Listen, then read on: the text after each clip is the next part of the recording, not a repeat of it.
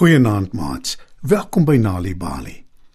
Ek is seker julle het al almal 'n oplossing vir 'n probleem gekry waar julle dit die heel minste verwag het. Ons soek soms op al die ooglopende plekke of ons luister na ander se raad, maar dan, net wanneer ons dink ons gaan nooit die antwoord kry nie, gebeur iets onverwags. Vanaand se storie, Gemmer, is geskryf deur Joanne Bloch. Skryf dus nader en spits julle oortjies. Doortjie en Saartjie is 'n tweeling. Hulle is baie lief vir hulle mamma. Dis 'n maandagooggend in die middel van die winter en hulle mamma het 'n groot probleem. My voete het gisterand soos twee ysblokke gevoel. Ek het gesukkel om te slaap. Ek is so moeg van môre. Ek kan skaars my oë oop hou. Die tweeling kry hulle mamma baie jammer. Saartjie dink 'n oomblik en toe stel sy voor: Miskien moet mamma sokkies dra in die bed vanaand. Dalk help dit. Dis 'n uitstekende idee, Saartjie. Slim kind. sê mamma. Baie dankie. Ek gaan dit beslis probeer. En dis presies wat mamma die ysige koue maandag aand doen. Sy trek haar heel warmste wolsokkies aan. Saartjie en Doortjie hou haar dop en bewonder die sokkies. Hulle het dit sou waar nog nooit gesien nie. Tante Rikkie het dit vir my gegee vir Kersfees. Sy het dit self gebrei. Ek moet erken, ek het nie gedink ek sal dit ooit dra nie. Maar nou kom die sokkies wel handig te pas. sê mamma. Hulle is heerlik warm. Ek glo ek sal lekker slaap vanaand. Maar helaas, mamma was verkeerd. Toe sy Dinsdagoggend opstaan, is sy nog moeër as die vorige dag. Die tweeling sien dit en is amper te bang om te vra. Maar dan sug mamma. Ek kon weer nie slaap nie. Ten spyte van die sokkies. Wat is dit met my? En die slag het Doortjie 'n voorstel. Week mamma se voete in lekker warm water voordat mamma gaan slaap. Miskien help dit. sê sy. Ek gaan dit definitief probeer. Antwoord mamma. Ek het niks om te verloor nie. Ai, ek het darm twee oulike slim dogters. Al is my voete dan nou yskoud. lag sy. En na aandete tap mamma heerlike warm water in 'n skottel. Sy sit ook sommer bietjie Engelse sout by, want sy het al gehoor dis goed om jou voete daarin te baai. Mm, dit voel heerlik. Sê mamma terwyl sy haar voete in die water rondbeweeg. Vanaand is die aand wat ek lekker slaap. Maar nee, Woensdagoggend breek aan en mamma is nog steeds moeg want sy het weer sleg geslaap omdat haar voete maar net nie wil warm word nie. Aan die begin het dit nog gewerk, Vertel mamma vir haar dogters. maar na 'n ruk was dit maar weer dieselfde ou storie. Yskoue voete. Ek sal aan iets moet dink.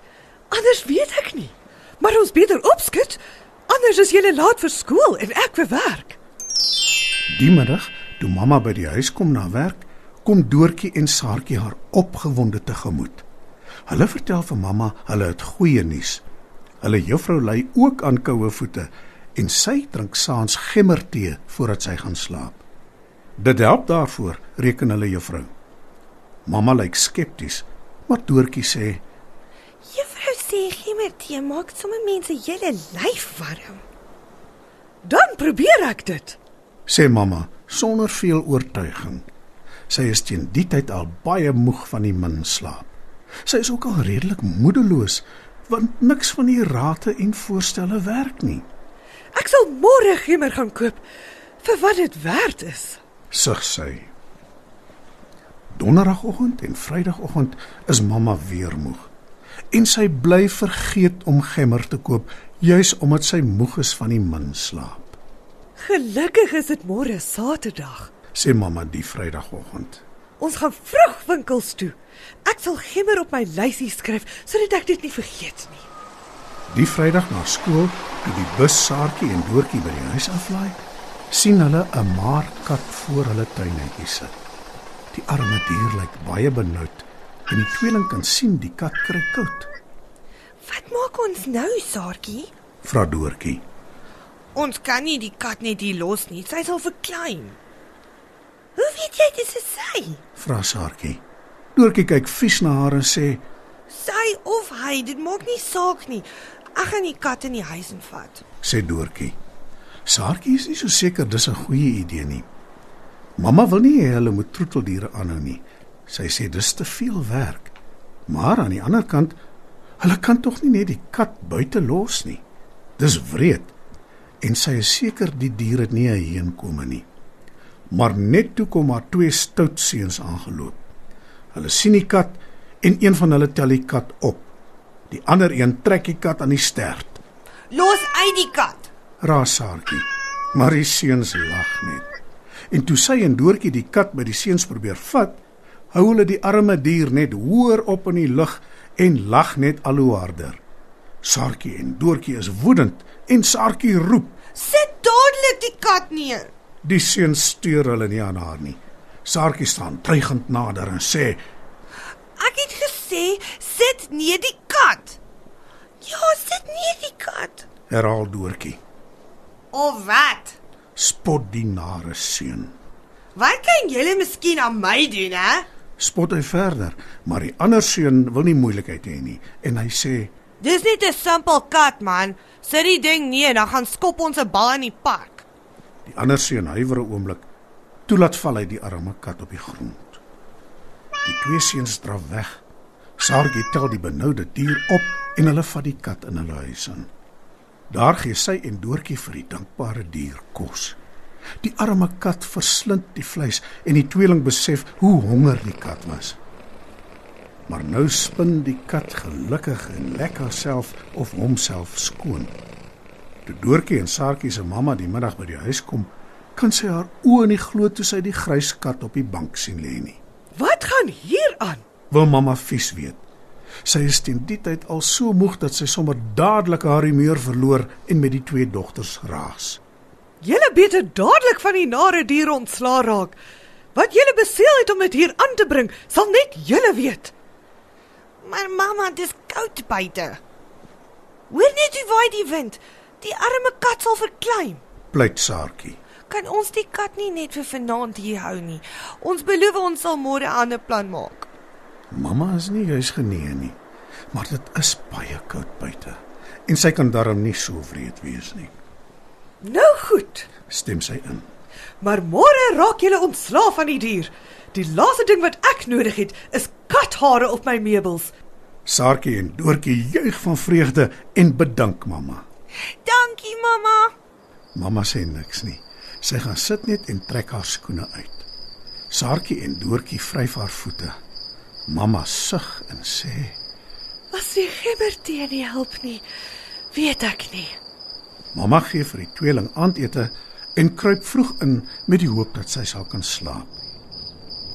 Die volgende oggend is Saartjie en Doortjie vroeg op reg om winkels toe te gaan. Hulle soek oral na die kat, maar die dier is nêrens te sien nie. Hulle is ook verbaas omdat mamma nog nie op is nie. Kom ons gaan kyk of mamma al wakker is. Stel Doortjie voor. Hulle maak haar slaapkamerdeur versigtig oop en wat sien hulle daar?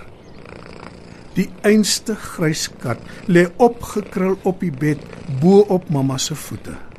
Goeiemôre kinders. Sê mamma vrolik. Uiteindelik het ek heerlik geslaap en my voete het glad nie koud gekry nie.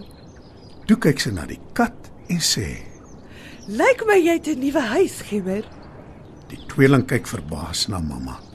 Sy lag en verduidelik dat sy toe nooit die gemmertee gedrink het nie, maar dat die kat die oplossing is vir haar koue voete. Dis hoekom ons haar Gimmer gaan noem. sê mamma.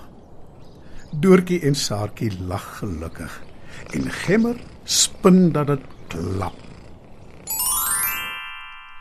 Wanneer kinders tuistories hoor, help dit hulle om beter leerders te word op skool. Vir meer stories om vir kinders voor te lees of vir stories wat kinders self kan lees, besoek ons by www.nalibali.mobi. Daar is heelwat stories in verskeie tale absoluut gratis beskikbaar. Daar is ook wenke oor hoe om stories vir kinders te lees en met hulle te deel sodat hulle hulle volle potensiaal kan ontwikkel.